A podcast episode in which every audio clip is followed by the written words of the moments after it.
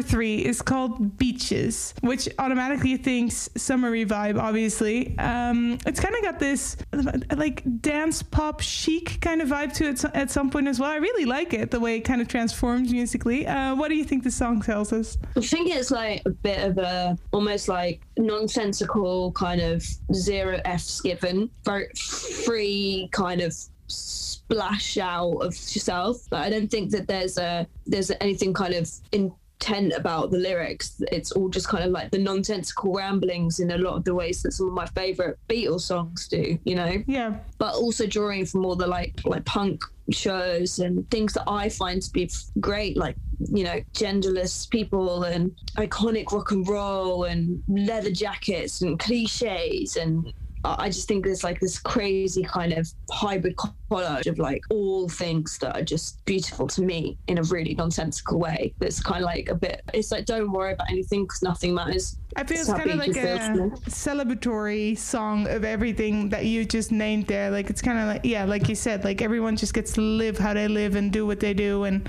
Yeah, I think so. I think that's kind of what what I'm trying to reach for. Like, but also like I, I really like songs like the Name Game. Like that's where I got like the the like lyrical flow from. yeah, Um, and I really like how they the name games are always like this kind of songs that include everyone and it- they're sort of a coming together it, sort of thing. And I thought, you know, it's weird to do that because I don't know any like rock and roll bands that would do like a kind of hammy name game kind of thing. But I love it. I I love beaches. I can't explain it. I don't know. We had to use the demo vocal. Like I couldn't redo the original vocal. I've never been able to sing it as good as I sang it on the day that I made that song. Like I can't explain it. it was meant to be.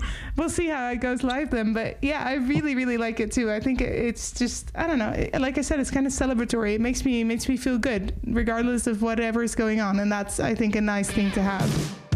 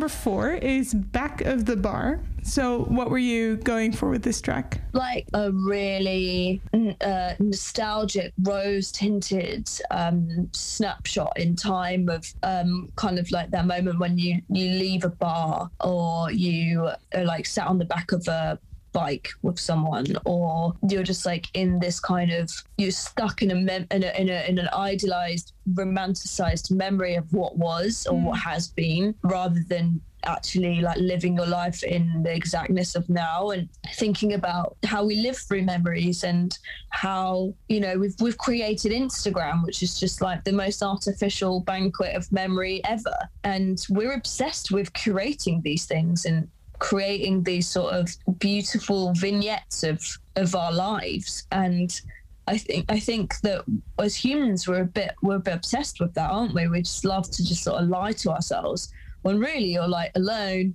um, probably one really in love with that person, or or maybe like you were in love with the idea of that feeling at the time. I don't know. That's interesting. That's that's mm. yeah, that's a sentiment that I think maybe especially with all the time people have had for the past year and whatever it's been where people have been mostly at home, that's probably a sentiment that touches a lot of people because I think you do a lot of reflecting and a lot of reminiscing and feeling nostalgic. So that makes I think that makes sense and I think it's good to keep that perspective in mind that, you know, we always look back on it with some sort of a, a rosé filter if you will, an Instagram filter when it wasn't really always all that good. No, you're still on your own. Yeah. Like, do you I mean you're still just on your you're on your own looking back on something and it's like I think that's very much like, especially lockdown, right? Like we've really been like, God, never take anything for granted. Like try and hold on to the, the happy times that you've got because all you have is your memories. So I guess that's the most valuable thing that people have. Yeah, but they're not always as straightforward as the moment was back then. That's a good thing to remember. yeah, like we played Glastonbury and like Glastonbury was one of the best days of my life. But like I also remember being so overwhelmed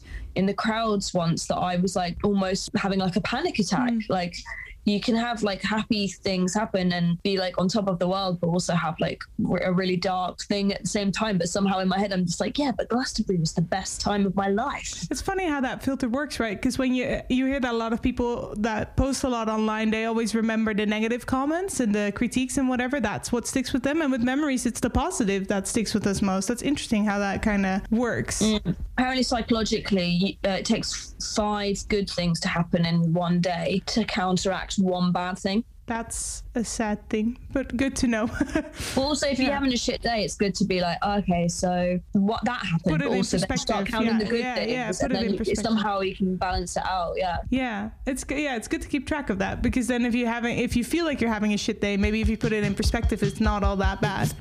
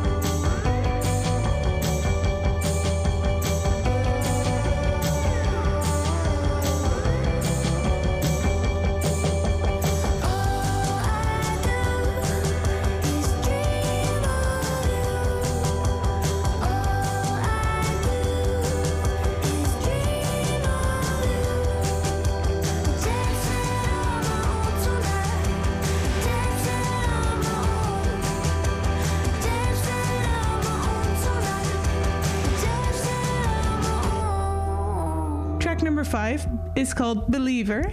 Um, this one's been stuck in my head all day. I don't know if you set out to make an earworm, but you did. this is my other contender for favorite music video, I think. Is this the one that you guys shot way in 2019? Yeah, we Mm. shot this before we kind of finished making the song, which is a really weird thing to do. Now I look back on it, I'm like, why did we make the video before we finished making the record?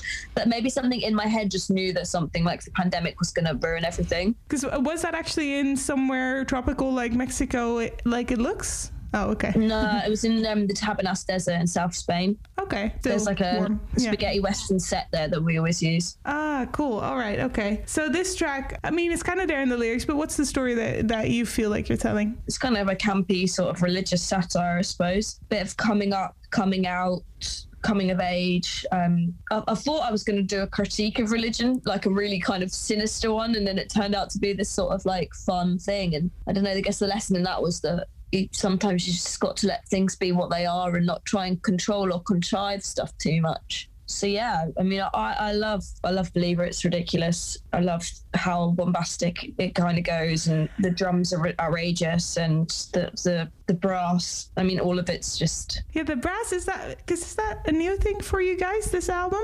Oh yeah, yeah, Yeah. definitely. I think we did one track with it on, like a tester track, like I don't have one love, like two years ago. I like brass because I feel like it was a new way of addressing cinema without just doing strings, which I feel like everyone just does in pop music. But it's I like see. Yeah. brass feels a little bit more brave. Yeah, I know there's some like you know Taylor Swift does a bit of brass and some of the kind of I was kind of referencing a lot of Motown tracks and stuff, so I thought that I like the brass in that. But it's funny because when you play our brass, so like um, our manager, for example, he's a trumpet player.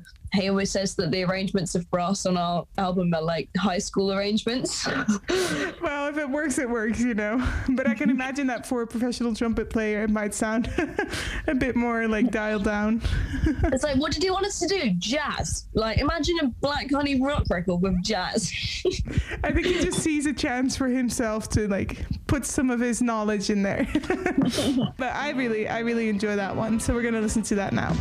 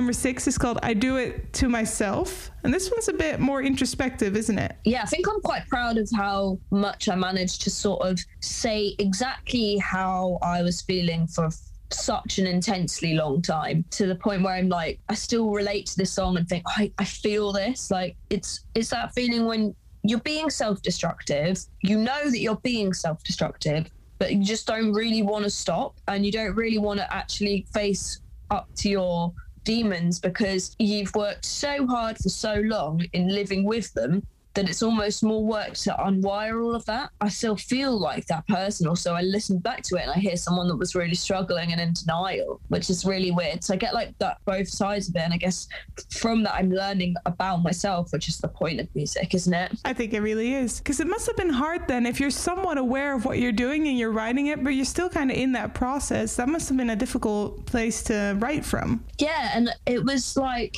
the most journal level entry thing that I've done in a while where I feel like there was like a certain amount of shame around like, you know, there's so much positivity on the internet and growth and like there's so much like you know, everyone's like working on their hustle and like toxic productivity and like I just felt like I was flagging and I felt like I was just stuck in my mm. old habits of like just like being a millennial and like drinking through problems and like not really dealing with the sort of reality because it was an approach to the same existential crisis that we're probably all all going through so yeah i guess it was te- it was terrifying but also the most the most rewarding um Cathartic almost, probably. Yeah. mhm.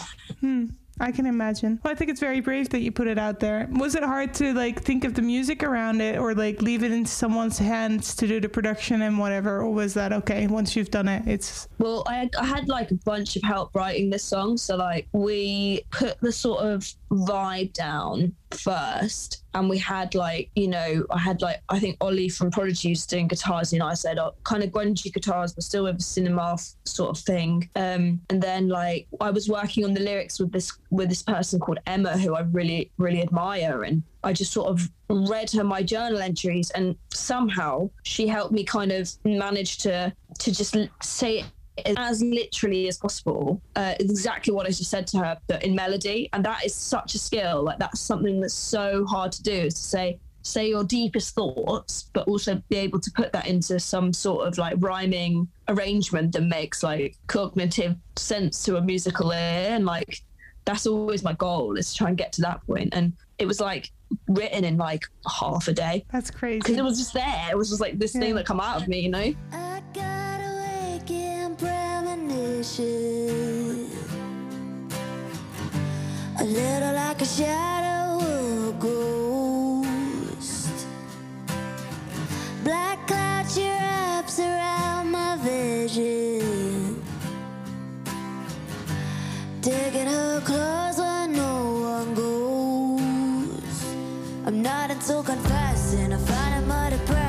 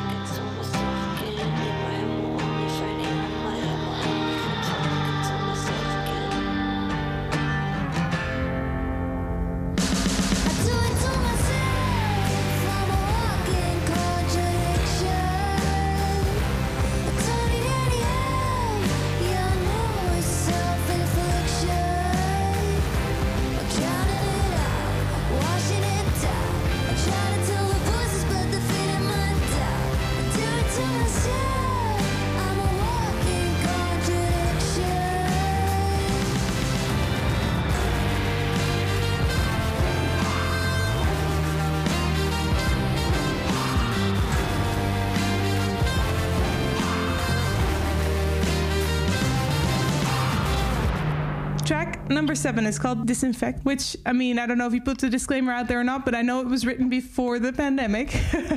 Thank you. Yeah, Thank there we you. go. Appreciate that. So that's not what it's about. I really was pleasantly surprised by this sudden, what would we say, kind of grunchy vibe that came off of it. Suddenly I was like, oh, wow, cool. so how did this one come up? I wanted to do heavier stuff, and well, heavier stuff is what we always kind of did back in the day. So it felt quite natural. But the thing that was weird was like how we were going to figure out how like beaches and disinfect could live on the same record. Like that for me was like this is never going to happen. Like these these songs aren't going to be friends. And part of this prog- process of making this album was very much learning to accept that I am beaches and I am disinfect, and those things are both valid and they're both they both deserve a space on an album that is me and us. Do you know what I mean? Yeah, I absolutely. feel feel very boxed, as, especially as a woman. I feel like I have to fit a prototype. I feel like I have to pretend that I'm more stupid than I am to please everyone else. That I'm more ordinary. I feel like I'm constantly taking up space, like most women do. Hmm. And for this one, I was like, no, beaches counts, and so does disinfect. And Yeah. I don't give a well, I don't give a fuck if there's like some sort of problem with the sense of thread in this album. The thread is me, and like I'm valid, and so that counts. And it was about. I think there's a lot to be said for women's women saying, yeah, today I might be this. And today I'm this, and I'm both of those things. And whether they contradict each other or not, that's still me. And owning your complexity and owning the depth of your own dialogue and narrative is part of like self acceptance and, and self growth. I think that's that's awesome, and I think it's good that you're putting it out there because that's exactly how it is. I haven't met anyone, and let alone any women, who just are as simple as one little adjective. It doesn't work like that. Yeah, exactly. And like people can be the weirdest combinations of things that don't make any sense. And like some of the most incredible people I know confuse me because they're incredibly shy, yet they have so much to say. And I admire those people the most. Like the more complex a person is, the more like admiration and the more I want to get to know them. Like that's what I'm learning to accept in myself. That's good. I think that's that's basically what this album tells us, right? With all the different songs on there. Yeah. So this track in particular, "Disinfect," um, was there? I think you were you've said in an interview that you were kind of thinking of a certain movie when you were writing this story. For disinfect. Yeah. Yeah. So there's a movie called Over the Edge, Oh, which was actually yeah. Kurt Cobain's favorite movie. And it's basically this sort of middle American town set in the 1970s. It's all done on film. It's really gorgeous. And um, all these amazing sort of like kids who I feel like are me just go mental and basically like look all their parents and teachers in school and burn down their cars and smash all the windows of all the police cars. And it's apparently based on like a baby boom that happened from like the post-war situation. So there was just like loads more teenagers, and then there were older people, which is exciting to me. I like the danger and the power of young people. Like I think that's a that's something that we can never underestimate. Don't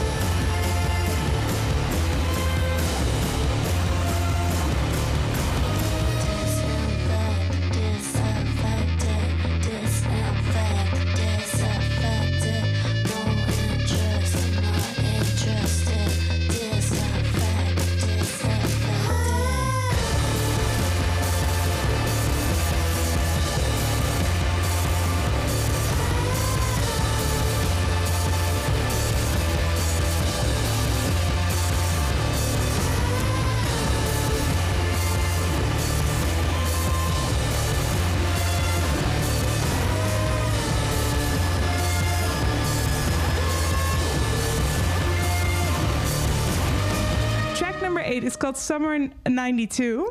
And I mean, we talked about the brass influence, and you said that you were listening to some Motown records. I think that kind of comes through in this track as well, doesn't it? Yeah, the but I feel like this one is my homage to like Marc Bolan and like the Beatles and like my golden era, like sort of 69, 70 Yeah. to kind of space and time where everything was just a bit ridiculous. And I am a huge, huge Beatles fan. Um, since sort of day dot, our whole band is, and I love psychedelic rock music, and this is like the perfect mix of like something a bit grungy but with like psychedelic rock but like lyrically it's about like being a, a, a kid in this time and you know converse and bleached hair and you know kissing someone on the roof or in the hallway in school or i know something kind of nostalgic about it It's kind of like um, back at the bar, but then what you're actually thinking of. Yeah.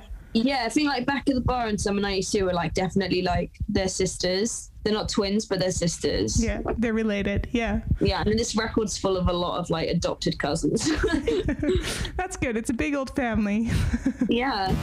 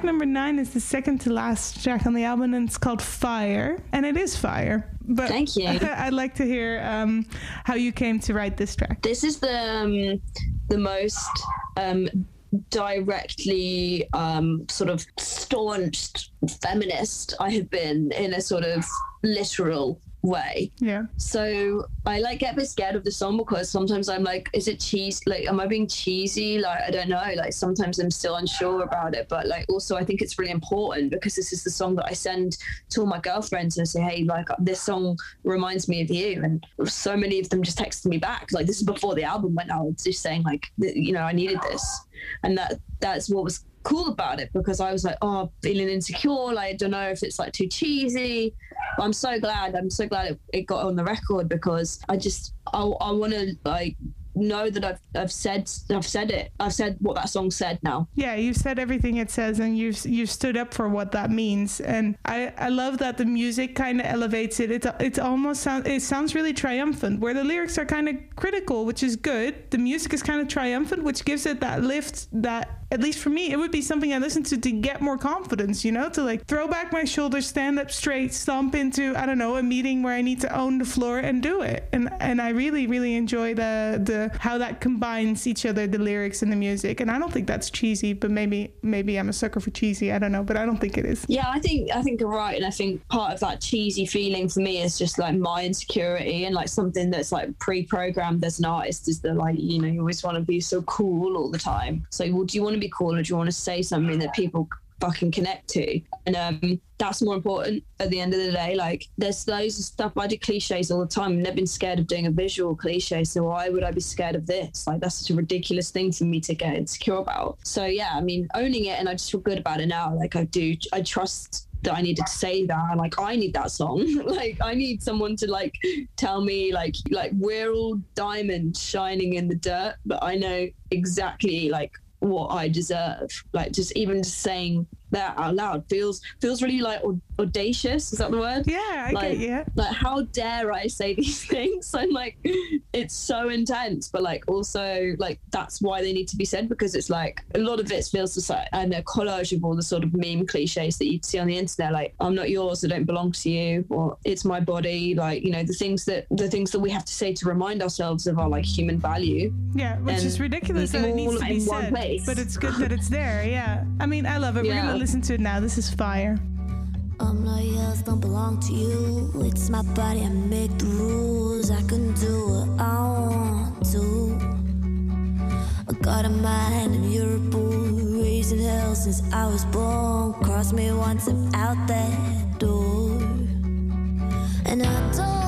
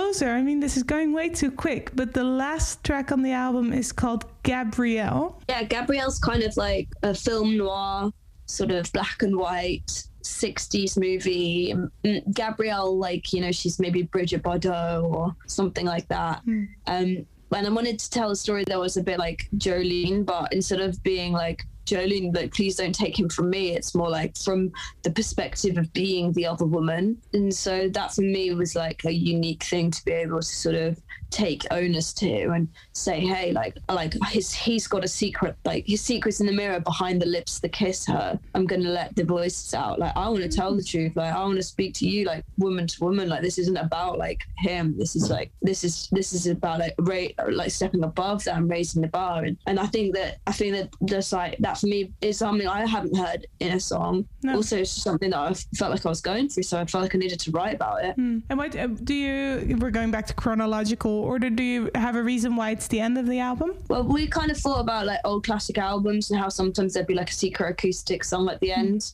So it was kind of a homage to that as well as like we kind of like the density of the album and how much it kind of packed a punch. It was it felt it felt right. Yeah, fair enough. It's got this big punch with fire, and then it's got this like little story at the end. Yeah. Well, we're gonna listen to Gabrielle. Oh, Gabrielle, you have him underneath your spell. And all the secrets I could tell, give him back to me. Oh, Gabrielle,